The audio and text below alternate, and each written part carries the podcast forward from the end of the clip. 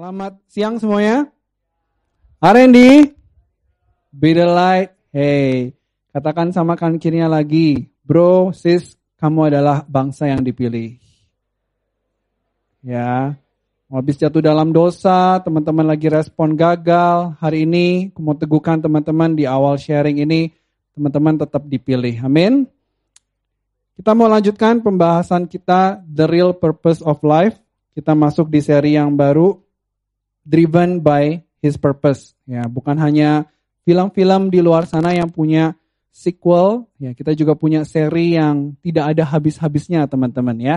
Gak akan kehabisan lah serinya ya. The Real Purpose of Life Part 2 ya. Kemarin kalau udah bawain Part 1. Di awal tahun menjelang akhir tahun uh, lalu juga udah dibagikan keluaran 19 ayat 5 sampai 6. Ya, teman-teman masih ingat ya bahasa aslinya syama-syama itu loh, teman-teman ingat gak? Ya, di khotbah mungkin beberapa kali disinggung syama, syama gol ya. Itu artinya di keluaran 19 ayat 5 hanya dua kata yang penting aja di situ teman-teman. Menerima dan memegang perkataan Tuhan. Nah, di situ maka Tuhan Allah akan menjadikan kita harta kesayangan. Aku berdoa teman-teman ini bukan cuma satu ayat yang ditaruhkan dan lewat begitu aja. Tapi buat aku beberapa kali di khotbah-khotbah sebelumnya ditaruhkan ayat yang sama dan message yang sama.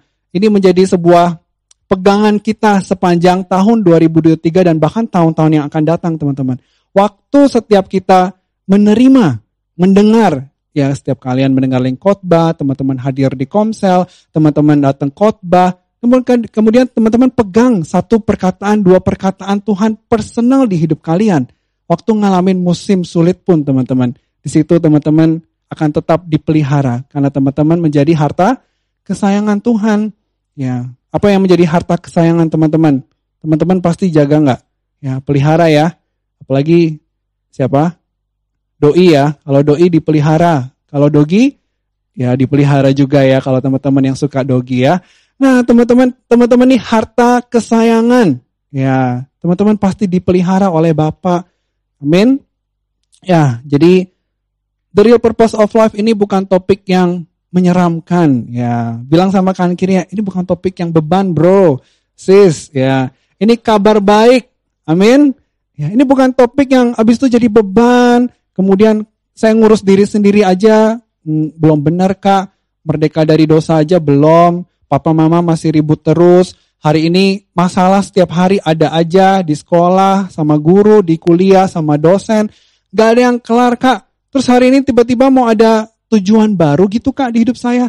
Gak usah deh kak, saya cukup jadi mediocre aja. Ya, saya surviving mode aja kak. Ya, saya nggak butuh yang real purpose of life yang sampai setiap kali khotbah tuh bangsa, bangsa, bangsa, bangsa. Ya, saya cukup orang rumah aja udah nggak sanggup rasanya kak.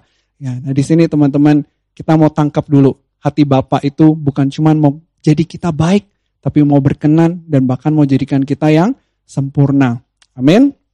Ya, hari ini kita mau baca ayat pertama kita di Yohanes 15 ayat 5. Boleh kita baca sama-sama ya.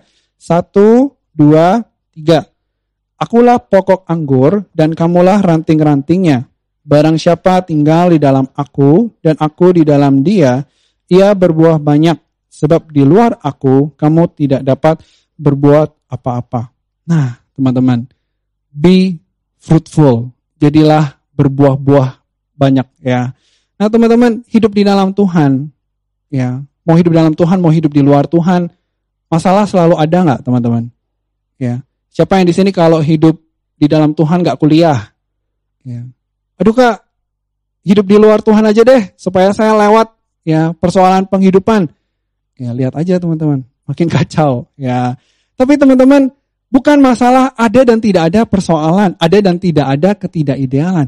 Tapi barang siapa yang terus-menerus memegang kepada sumber yaitu pokok anggur yang benar, di every true seasons, teman-teman, kau akan tetap berbuah. Nah ini jaminannya. Bukan di dalam setiap musim gak ada tantangan, di dalam setiap fase hidup tidak ada masalah, di dalam setiap tahun tidak ada masalah baru, bukan.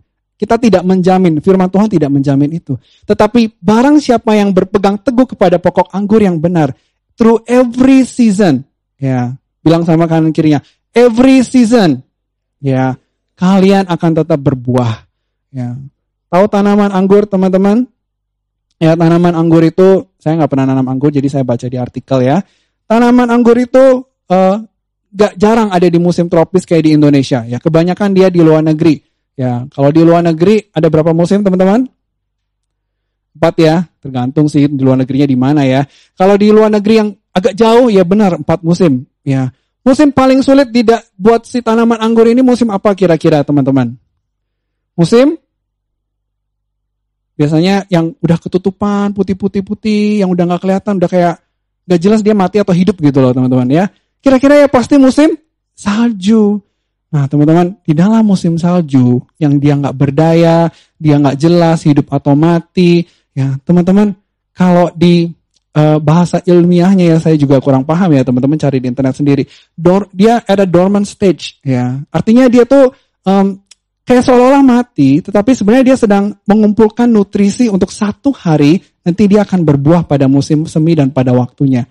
Nah ini teman-teman, jadi bukan yang gak ada musim sulit di dalam hidup teman-teman. Musim ujian, ya siapa yang habis UAS, ya siapa yang lagi mau bimbingan, siapa yang lagi ada ngalamin tesis dan segala macam, semua itu butuh dilaluin.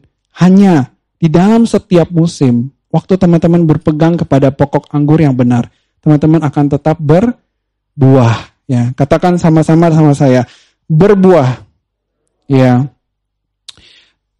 salah satu tanaman anggur itu mau cepat berbuah, ya teman-teman, dia butuh dipangkas, dipotong daun dan ranting yang tidak perlu. Ya, karena kan anggur itu kan dempet-dempet gitu ya, teman-teman anggurnya ya, buahnya ya. Supaya dia bisa berbuah maksimal, dia butuh dikasih jarak. Ya, jadi daun dan rantingnya yang nggak perlu itu butuh dipotong, dipangkas. Nah, teman-teman, kalau ngeliat tanaman daun dan ranting dipangkas gundul gitu bagus nggak?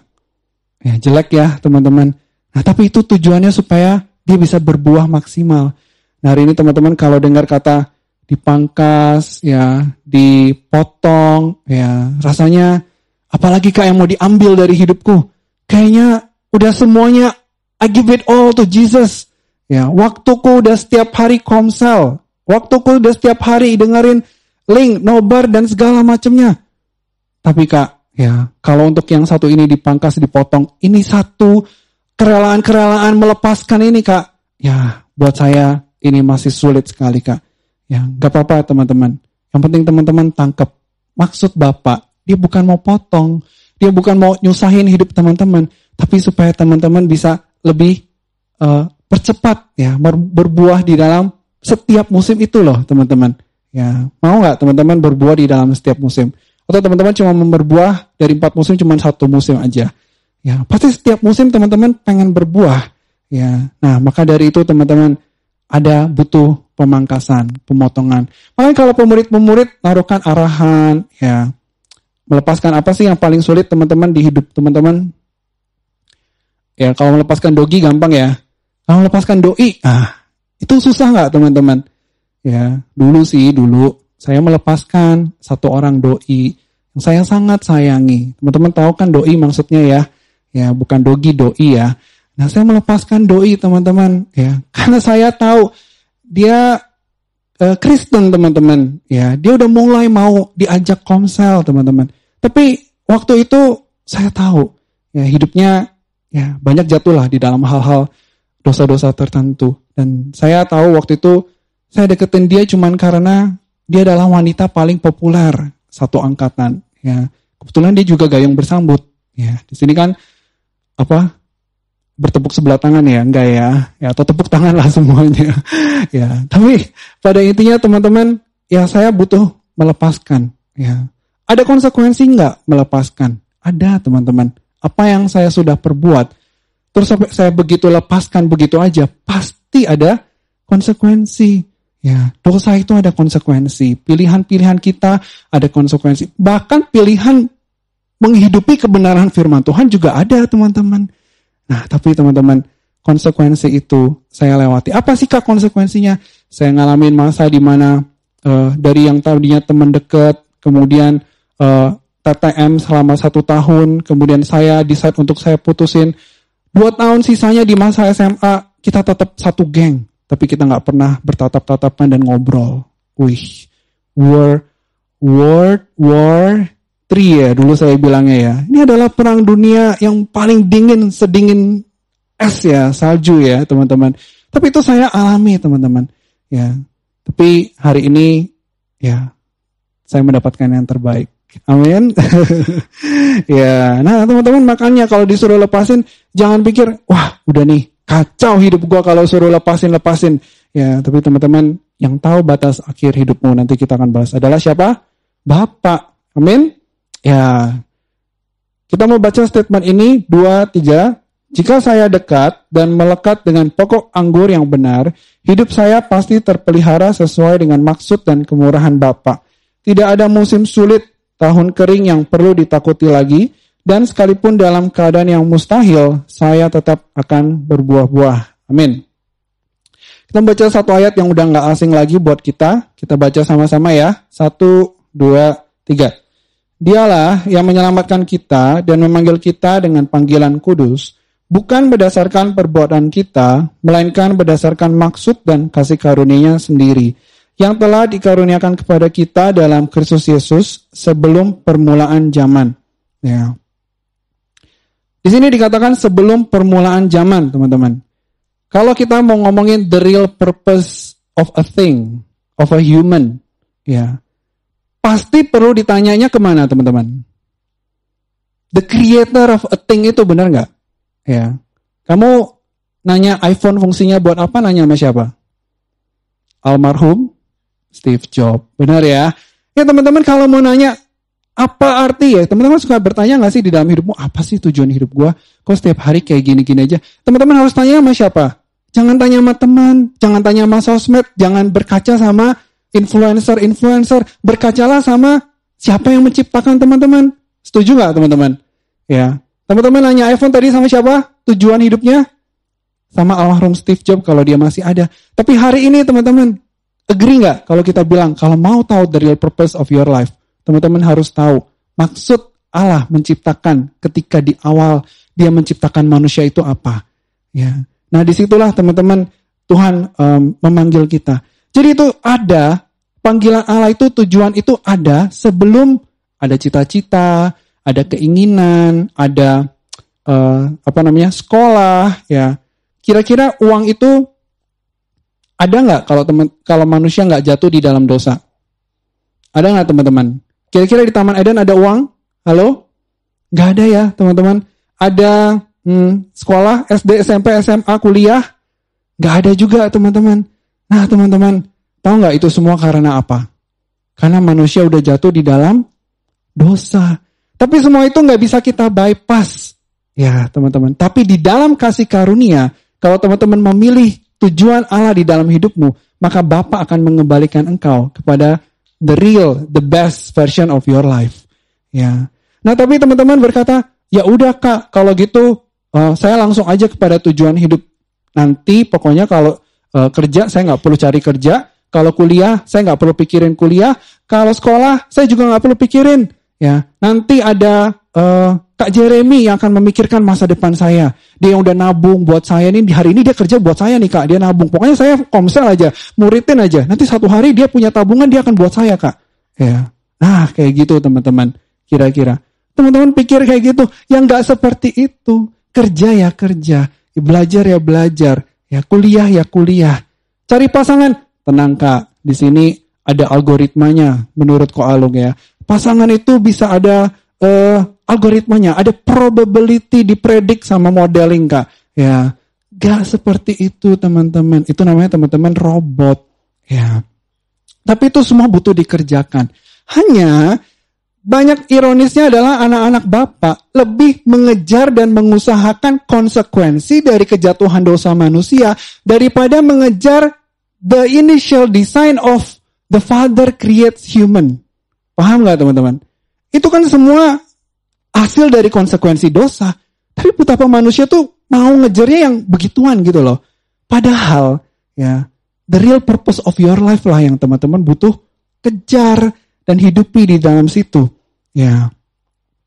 Salah nggak punya passion, cita-cita, keinginan? Enggak, teman-teman. Tujuan dunia ini, ya dunia ini sangat menarik. Ya, teman-teman jujur lah. Dunia ini menarik nggak, teman-teman? Menarik? Ya, ntar ada iPhone 15, menarik? Ya, pasti menarik. Dia akan terus menarik, menarik dan menarik, teman-teman. Tapi tujuan hidup itu, kalau nggak sampai the best version of your life, it will always demand, and it will, it will always apa ya? Pengen kalian tuh satisfy lagi, satisfy lagi. Ya, paham nggak teman-teman?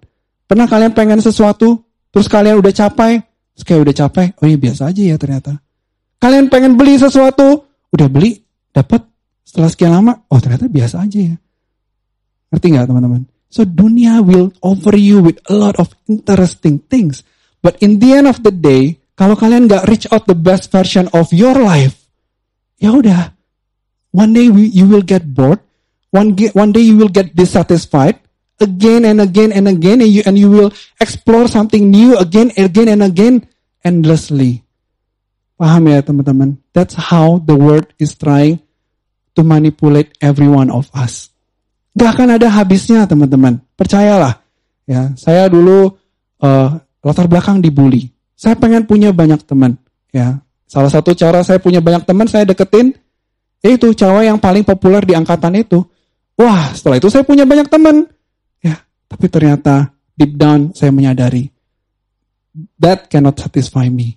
Bahkan aku menyadari aku harus menjauhi hal, -hal seperti itu. Gak ada teman-teman. Satu hari teman-teman, ya di sini siapa yang pernah atau pengen kuliah ke luar negeri? Ya, saya nggak pernah mimpi kuliah ke luar negeri, tapi saya satu hari ditawarin. Ya, wah saya pikir dulu mantep banget kuliah di Australia. Ya, saya pergi teman-teman. Tapi dua tahun saya di Australia setelah saya kuliah, saya memutuskan untuk kembali. Kenapa? Salah satunya karena saya homesick. Padahal dulunya semangat banget, ya semangat banget kuliah di Aussie banyak orang wah gue mau kuliah di Aussie gue mau explore bro ya gue mau cicipin ini cicipin itu ya selama ini gue terkungkung di Gading Serpong dan sekitarnya ya sekarang gue mau lepas terbang bebas ya dulu saya ingat sebelum saya pergi ke Aussie ya ada satu orang diingetin saya Be, kalau kamu pergi ke Aussie, itu seperti burung lepas dari sangkarnya. Wah, saya pikir itu bisa liar sekali teman-teman. Karena dulu saya hampir nggak pernah ke luar negeri. Nah ini saya tinggal dua tahun di luar negeri. Ya, tapi di situ pun saya mengalami saya homesick and I feel lonely. Ya, and nothing can can satisfy me di sana. Saya pulang. Ya, hari ini saya kerja. Ya, saya mulai dari bawah dan segala macam. Saya pikir karir itu juga sesuatu yang bisa satisfy hidup saya. Pun at one level, it will dissatisfy me. And it has dissatisfied me. Plain aja teman-teman. Ya. Nah aku ini kan orang yang at least berjalan beberapa dekade di atas kalian ya. Secara usia. Tua banget ya.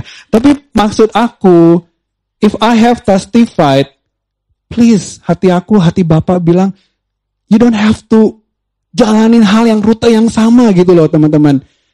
Langsung aja gitu loh, to the best version of your life itu loh. Paham ya teman-teman? It will not satisfy you until you reach the real purpose of your life. One day ya, udah jadi uh, kerja di Citibank tahun 2013, ya. Kemudian saya bertanya di tahun 2015, saya kerja buat apa sih? Ya, apa orang bilang umur 25 apa? Quarter life crisis. Mulai bertanya tujuan hidup saya apa? Ya. Padahal saya cukup mencapai ini dan itu. Ya. Tapi teman-teman, ya, Bapak mau teman-teman, don't waste your time. Ya, because He loves you. Dia nggak mau teman-teman terjebak dengan begitu banyak keinginan.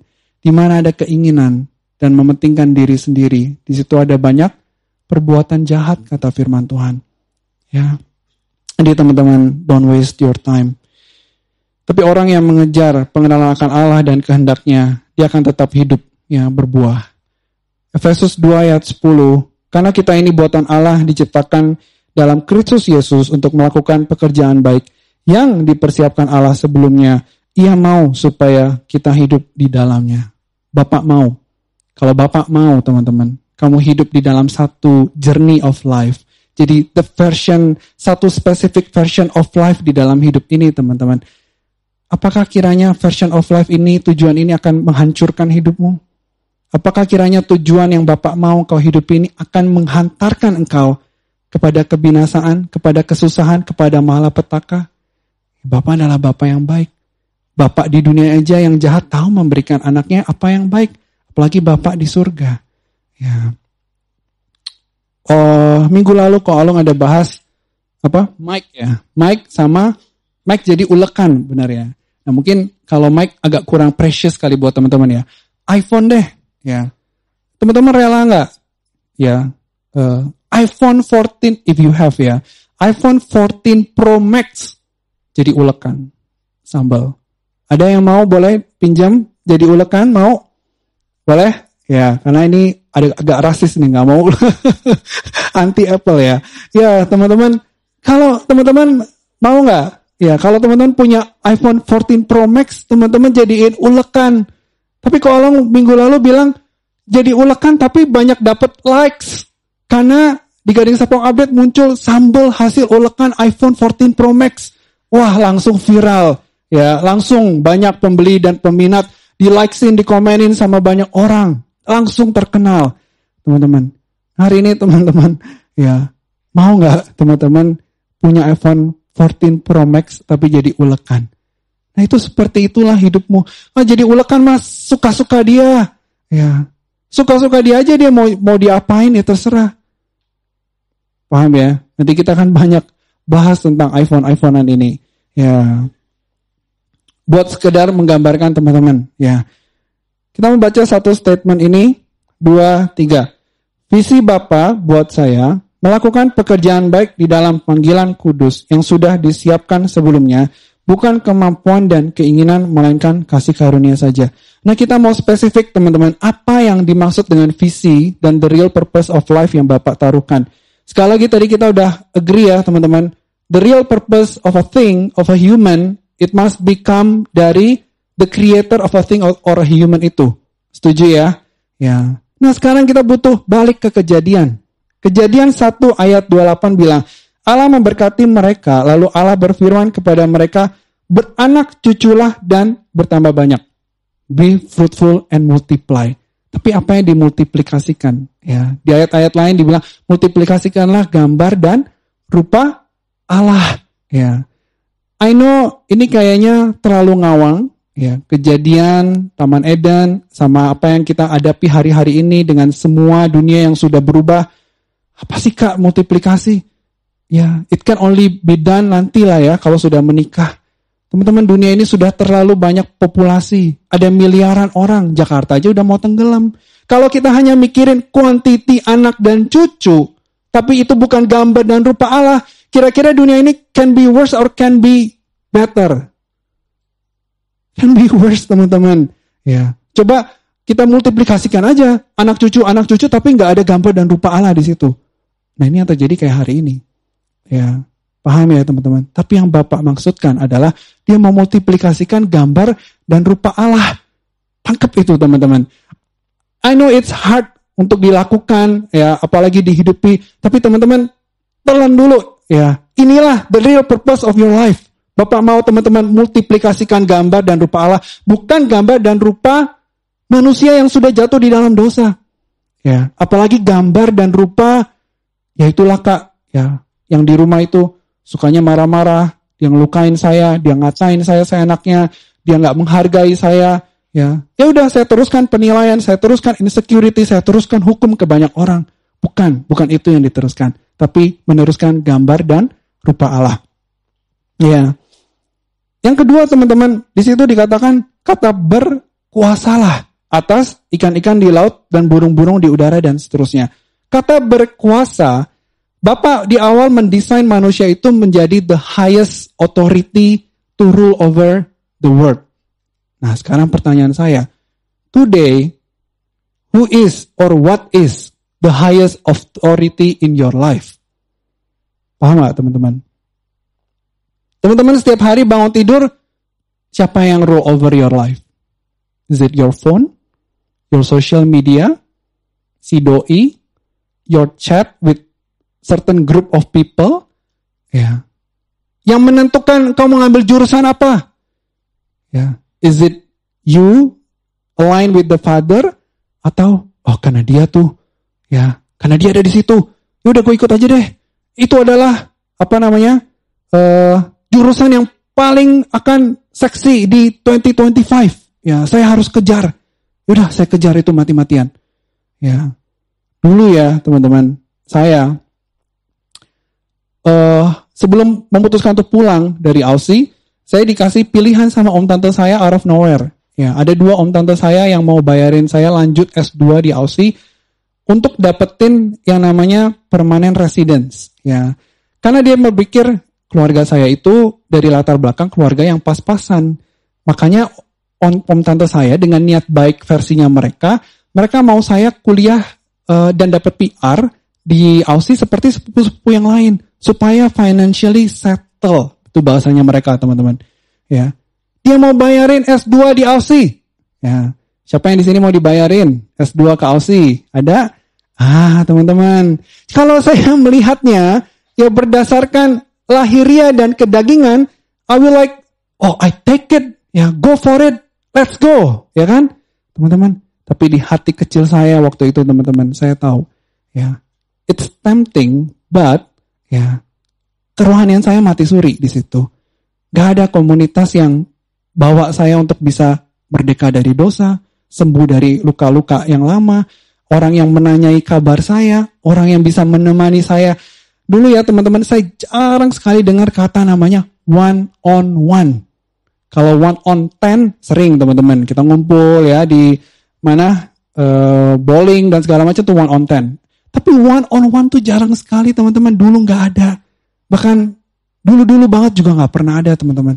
Tapi berapa teman-teman menghargai kalau teman-teman di sini diajak one on one, it's something very precious yang bahkan teman-temanmu di luar sana nggak dapat. Ya, teman-teman bisa appreciate itu enggak? Ya, saya ngomong gini teman-teman, jangan izinkan the world dictate hidupmu. Jangan izinkan authority yang tadinya awalnya diberikan the highest padamu, hari ini diberikan pada dunia lain. Bukan dunia goib ya teman-teman, dunia dunia itu teman-teman. Ya, paham ya teman-teman. Kau punya waktu luang, kau diatur sama Mobile Legend. Kau punya uang, kau diatur oleh uang. Kau punya HP tertentu, temanmu punya HP lain, kau migrasi ke HP itu. Karena semeter cuman dari satu boba jadi tiga boba. Ya teman-teman, paham ya? Hidup kita diatur sama boba. Ya. No, but it's serious teman-teman. Ya. Jangan mau di rule over sama dunia ini. Ya, ada yang ya kalau ini kan dia bilang rule over menguasai binatang-binatang. Hari ini binatang-binatang menguasai kita. Siapa yang di sini takut kecoa? Siapa yang di sini kalau ada cicak langsung wah gitu teman-teman ya. Kalau bisa saya langsung uh, teleport ke rumah manajemen timur gitu ya. Ya. Teman-teman sadar nggak teman-teman dikuasai? The word itu udah deteriorating ya. Bahasanya apa tuh? The word itu udah downgrading lah pada intinya karena kejatuhan dosa manusia. Paham ya teman-teman?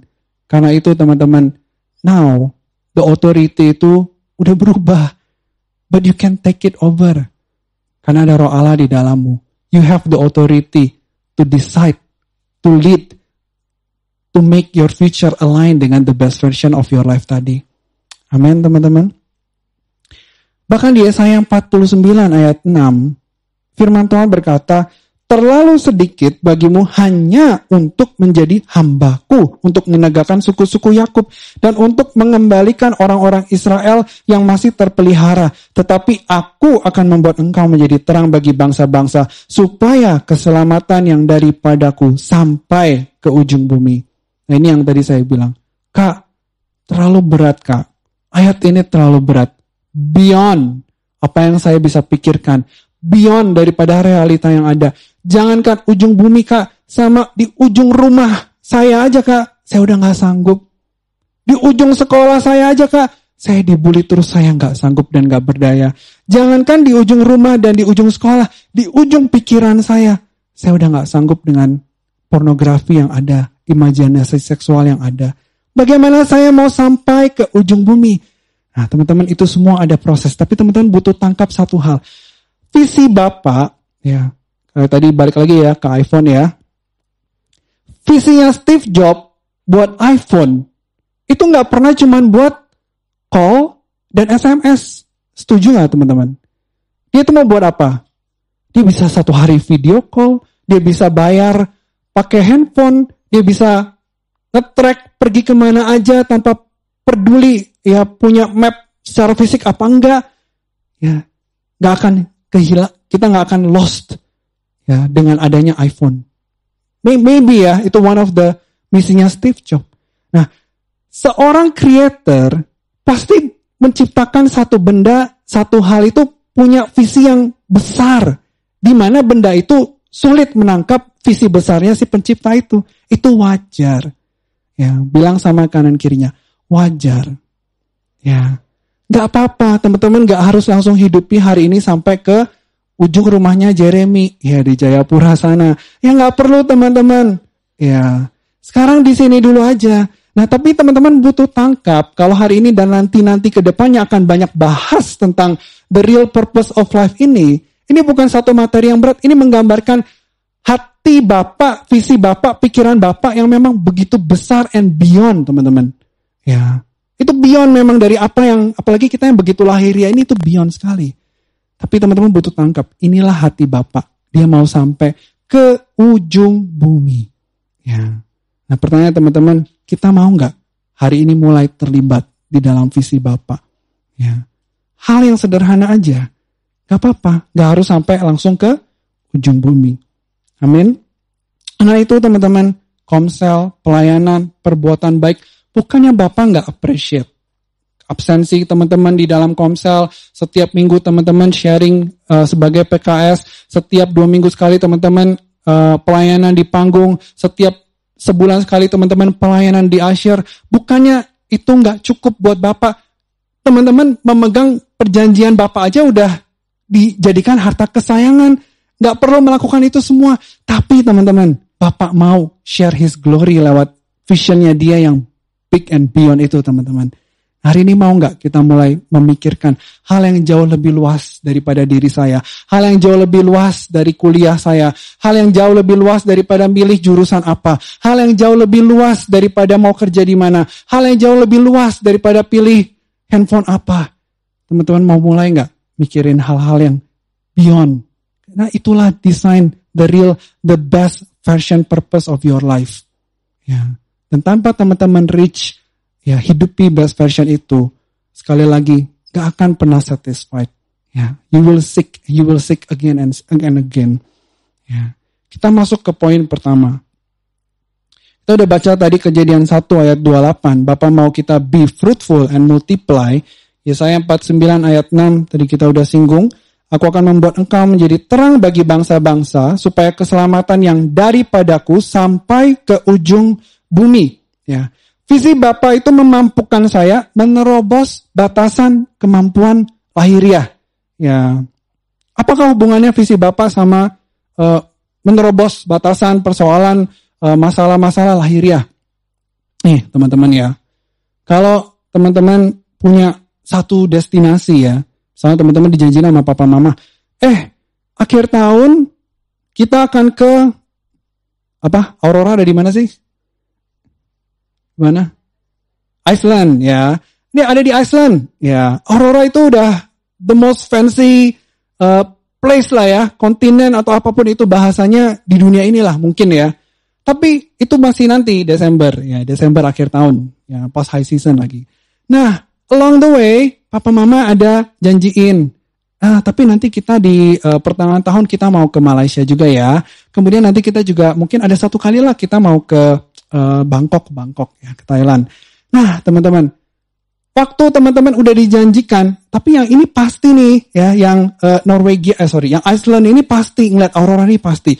Udah book, udah jauh-jauh hari, udah beli tiket, udah beli, udah book hotel, udah bayar semuanya udah lunas. Tapi yang ini masih plan. Terus teman-teman satu hari dibilang, sorry ya, kayaknya karena satu dan lain hal, ke Malaysianya dipending dulu nggak jadi. Ya, kira-kira teman-teman bakal hancur sedih banget nggak? Ya, Ah Malaysia aja, nggak masalah Pama. Yang penting kan nanti ke Iceland, lihat aurora. Apa? Ke Bangkok? Ah nggak apa-apa, itu nanti aja, nanti aja. Mending kita save money supaya kita bisa hura-hura menikmati Iceland dengan lebih uh, royal gitu ya Pak ya. Gak apa-apa deh, gak apa-apa. Kalau teman-teman punya the best version of your life, little-little version yang lain, little-little purpose yang lain, kalau nggak kejadian, itu nggak akan ruin your life teman-teman. Itu nggak akan membuat kau jatuh, runtuh, tertimpa tangga. Tapi kalau kau menjadikan, mohon maaf ya, saya jadikan doi lagi. Doi itu segala-galanya. One day, doi itu akan pergi. Selama dia belum nikah, probability dia pergi banyak teman-teman. Hai. And you put your love, your everything into him or her. Ah itu loh teman-teman. Papa nggak mau, makanya Bapak bilang, aku inilah satu-satunya pengharapan yang nggak pernah mengecewakan. Ya, The lain itu, they can dissatisfy you, they can disappoint you. Jadi kalau itu nggak kejadi, tapi kalau teman-teman, ya teman-teman ada deket sama orang, teman-teman ada apply kerja, teman-teman ada uh, apa namanya tesis dan segala macam. Tapi kalau itu gagal, itu miss dikit, itu nggak terjadi, itu nggak kejadian. Selama Iceland itu terjadi dan uh, udah dibook dan udah lunas, nggak masalah. Amin teman-teman. Karena you have a bigger vision. Ya, visi itu membuat kita menjadi utuh sampai akhir. Ya, itu loh teman-teman. Kalau gitu kak, ya tadi saya udah katakan sekolah, kerja, cari jodoh bukan tujuan utama. Ya udah langsung aja injil dan memuridkan. Ya, nggak gitu ya. Tadi saya sudah jelaskan itu adalah konsekuensi dari dosa manusia. Ya, visi itu juga teman-teman satu hal, bapaklah yang tahu batas akhir hidupmu. Ya, sekali lagi, kalau teman-teman diarahkan Ya dulu saya memilih untuk saya kembali pulang. Itu adalah hal yang konyol sekali teman-teman.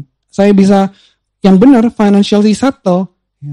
Pulang ke sini UMR sana sama UMR sini itu udah jauh sekali. Ya di sana UMR bisa 40 ribu dolar dalam setahun. Ya di sini berarti 5 juta kali 12 berapa? 60 juta. Ya 400 juta versus 60 juta. Kalau dihitung secara matematika itu konyol teman-teman. Ya. Tapi hari ini Bapaklah yang tahu batas akhir.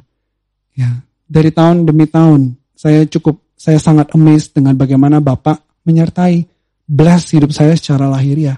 Nah, tapi kadang-kadang teman-teman waktu diarahkan memilih keputusan-keputusan yang kayaknya aduh, apa sih Kak? Ya, saya mau kuliah di luar negeri, pokoknya saya mau kuliah. Sekali lagi ya teman-teman, nggak apa-apa kuliah di luar negeri, nggak salah. Ya, teman-teman mau um, apa ini terserah lah. Teman-teman nggak masalah gitu ya. Teman-teman mau jadi ulekan yang penting teman-teman sadar teman-teman itu adalah iPhone. Nggak masalah teman-teman. Ya karena saya pun juga memilih waktu itu pergi kuliah di Aussie dengan meninggalkan semua pelayanan anak-anak yang sekarang juga udah nggak ada teman-teman. Itu saya yang mengambil keputusan dan ada konsekuensi. Tapi kan yang penting nggak berhenti. Ya bilang sama kami kirinya yang penting nggak berhenti bro ya sis jangan tertuduh dengan pemberitaan ini ini kabar baik Ya, bukan menuntut hidup teman-teman. Tapi saya mau ceritakan hati Bapak untuk the best version of your life. Itu seperti apa. Ya. Jadi, gak masalah teman-teman.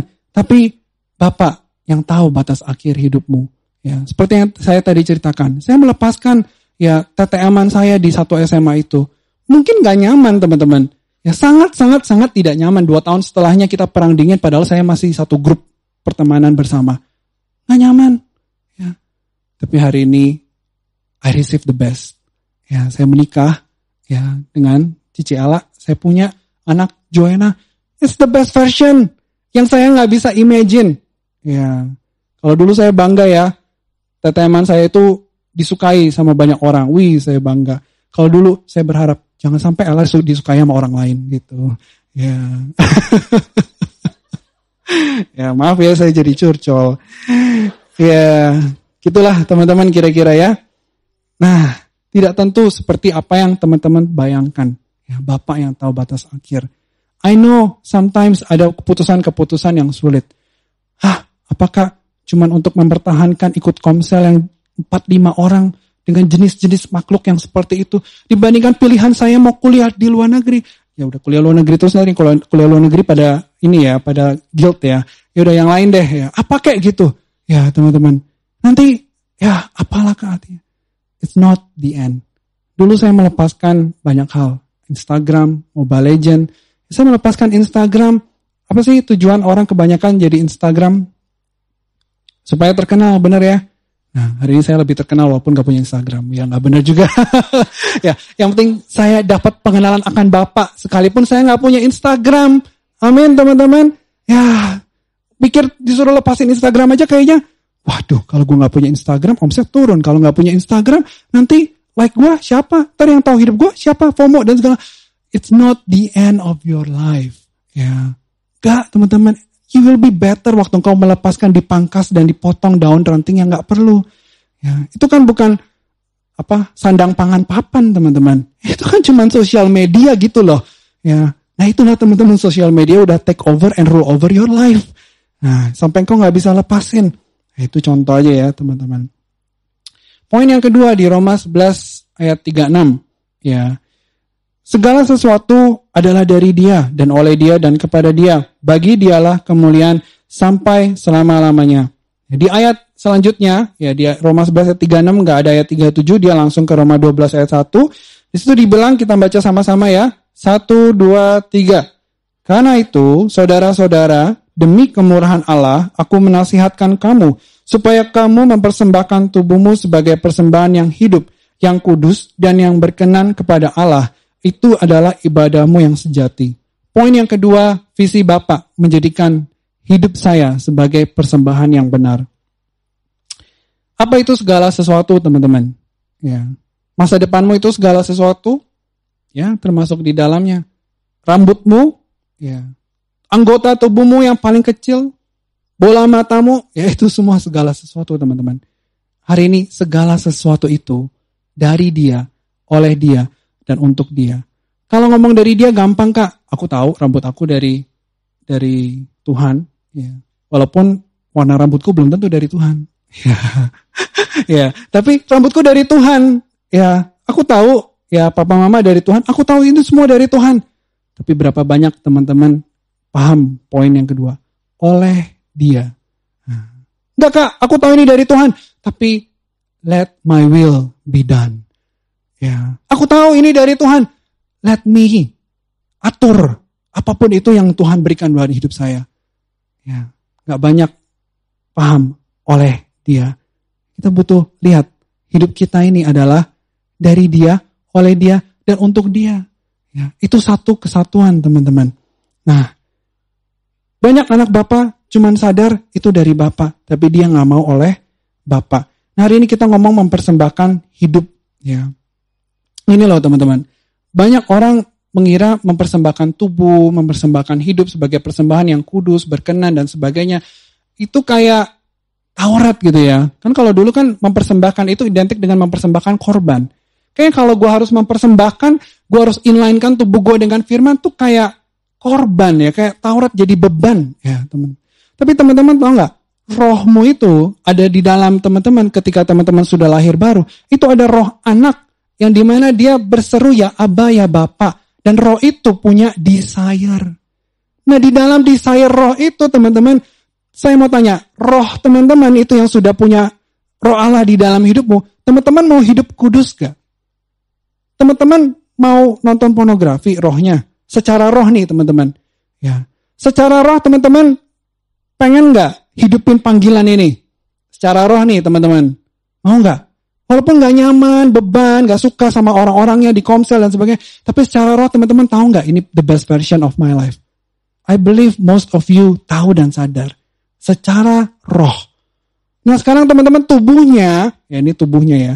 Tubuhnya pornografi terus. Padahal saya rohnya maunya hidup kudus.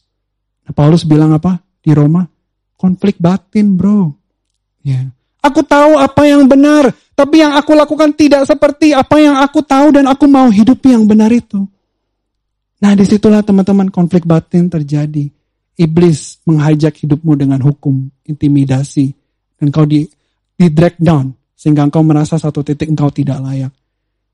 Jadi kalau teman-teman inlinekan hidupmu, tubuhmu, sesuai dengan desire rohmu, kira-kira yang diuntungkan siapa? Teman-teman tahu konflik batin? Nyaman nggak konflik batin? Ya, apa bipolar ya gitu ya, kepribadian ganda, ya atau ya gue tuh tahu yang baik, yang benar, yang mana, tapi kok gue gagal lagi lagi, keselip lagi, keseleo lagi. Nah itu loh teman-teman. Hari ini kalau teman-teman diminta mempersembahkan tubuh, mempersembahkan hidupmu supaya inline dengan desire rohmu, itulah teman-teman yang berkenan, yang kudus dan yang sempurna. Ya, it's for your benefit, bukan buat Tuhan, teman-teman. Ya. Ah, jadi karena hidup saya itu memang dari awalnya mulia, ya. Bukan karena hukum dan Taurat, tapi mempersembahkan hidup supaya saya selaras dengan yang tadi kerinduan hati saya. Ya, paham ya teman-teman? Konflik batin itu nggak nyaman. Ya, tapi waktu teman-teman rela selaraskan ya, dengan apa yang menjadi kerinduan hatimu, itu kan hanya menjawab aja sebenarnya kerinduannya udah ada. Ya, hanya saya butuh pangkas sedikit ego saya. Saya hanya butuh pangkas sedikit ya nafsu saya. Saya hanya butuh pangkas sedikit kenyamanan saya. Tapi nanti teman-teman itu akan match ya. Dan teman-teman nggak punya ruang lagi buat iblis menipu, menghijackmu dengan hukum. Ya. Di poin yang terakhir teman-teman. Di Roma 11 ayat 36, bagi dialah kemuliaan sampai selama-lamanya. Roma 12 ayat 2, ya tadi kita sudah baca, janganlah kamu menjadi, ya bahasa Inggrisnya, do not conform to this word. Ya, ini satu hal teman-teman. Kalau orang yang hidup sesuai dengan tujuan dan best versionnya Allah di dalam hidup kita, teman-teman. Udah pasti cara hidup dan bagaimana saya memutuskan dan menentukan arah hidup saya itu udah pasti berbeda. Ya. Sekali lagi, ulekan itu bebas, teman-teman. Dia mau ngulek cabe, mau ulek sambal, mau ulek apa pun, kalau dia nggak sadar dia adalah iPhone yang punya fungsi yang begitu hebat, ya bebas aja dia mau jadi apa.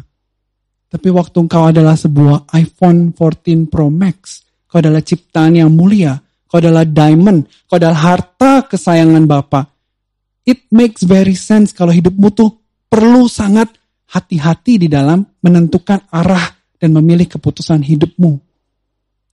Ngerti nggak? Ya. Kalau hidupmu tuh cuman batu kerikil, ya udah sembarangan aja. Ya terserah dia mau digeletakin di mana. Ya. Kalau kita treat teman-teman jadi batu kerikil mau nggak? Ya, kak, saya mau nonton berduaan nih. Di mana kak? Uh, di premier kak, yang bisa tiduran tiduran itu kak, pakai selimut berdua aja. Iya. Oh ya udah nggak apa-apa. Lain kali kak perlu setiap hari aja berdua gitu ya, nggak apa-apa kok. Mau teman-teman kayak gitu batu kerikil? Ya. Oh nggak apa-apa kak, saya cuman pegangan aja kok. Ya. Pegangannya sampai mana kak? Ya dari ujung rambut sampai ujung kaki. Oh ya nggak apa-apa, nggak apa-apa. Teman-teman mau digituin? batu kerikil, bebas saja teman-teman boleh lakukan sesukamu. Kau itu diamond, kau harta kesayangan Bapak. And we treat you, wakil-wakil Bapak di sini mentreat you that way. Ya, teman-teman sadar, kau diperlakukan spesial, like a diamond. Ya, spesial seperti harta kesayangan Bapak. Ditreat sedemikian rupa teman-teman. Ya, ini it's not, this is not a prison, you know. Ini adalah museum yang menjaga, bukan museum juga, tapi intinya menjaga, mengcover hidup teman-teman. Ya, supaya teman-teman jadi the greatest design of your life. Ya. Paham ya teman-teman? Jadi udah pasti berbeda. Kau menentukan kerja di mana, ya kalau di sini harus mikir kak, kalau mau kerja di mana harus mikir yang radiusnya cuma boleh maksimal 5 km. Kalau di atas 5 km nggak boleh kak. Ya, kalau di luar sana boleh kak, tiba-tiba dia dapat kerjaan di Malaysia, di, di teleport ke Malaysia, gajinya dua kali lipat dan segala macam, dapat Singapura dolar kalau di Singapura, bebas-bebas saja kak. Saya harus mikirin komsel lah, apalah segala macam. Apa sih kak sebenarnya? Nah itu teman-teman, diamond pasti berbeda, ya diperlakukannya spesial, dia nggak sembarang. Oh kalau dunia ini trennya naik, kita ikutan beli. Kalau trennya turun, kita ikutan khawatir. Itu dunia teman-teman. Kalau kau ikutan begitu dan begitu juga, apa beda dan spesialnya harta kesayangan anak-anak Bapak ini? Benar ya? Jadi memang dari awalnya kita adalah harta kesayangan. That's why do not confirm to this word. Bukan perintah, tetapi karena engkau adalah pribadi yang spesial. Kau adalah harta kesayangan Bapak. Ya, dia mau misahkan engkau dari dunia yang begitu corrupted. Dia nggak mau engkau melewati hal-hal yang nggak perlu engkau lewati dan belum tentu engkau sanggup tanggung konsekuensinya. Ya, Bapak mau menjaga dan mengcover hidupmu. Ya, kalau engkau lihat ini adalah prison ya teman-teman. Ya, something wrong dengan hidupmu. Kebetulan lihat ini adalah bahtera. Dalam bahtera bisa ada perkelahian, di dalam bahtera bisa ada kejenuhan, di dalam bahtera bisa ada ketidaknyamanan, di dalam bahtera bisa ada ketidakidealan. Tapi kalau kau tahu ini bahtera dan di luarmu itu adalah badai, laut, ombak yang bisa menghantam hidupmu, kau pasti nggak akan lari dari bahtera. Tapi kalau kau lihat ini prison, kau akan lari, kau nggak tahan, kau akan kabur sebisa mungkin aku akan kabur. Kebetulan lihat ini adalah bahtera teman-teman.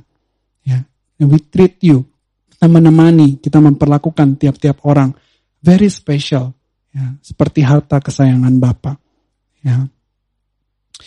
Ya Roma 12 ayat 2 bilang, kamu dapat membedakan manakah kehendak Allah, apa yang baik, yang berkenan kepada Allah dan yang sempurna. Barulah teman-teman, the best version of your life. Yang baik, yang berkenan dan yang sempurna itu bisa terjadi dan dikembalikan seperti maksud Bapak atas hidupmu. Ya, kita butuh terpisah dari dunia ini.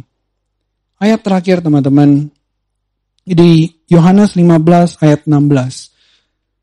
Kita mau baca sama-sama ya. Satu, dua, tiga.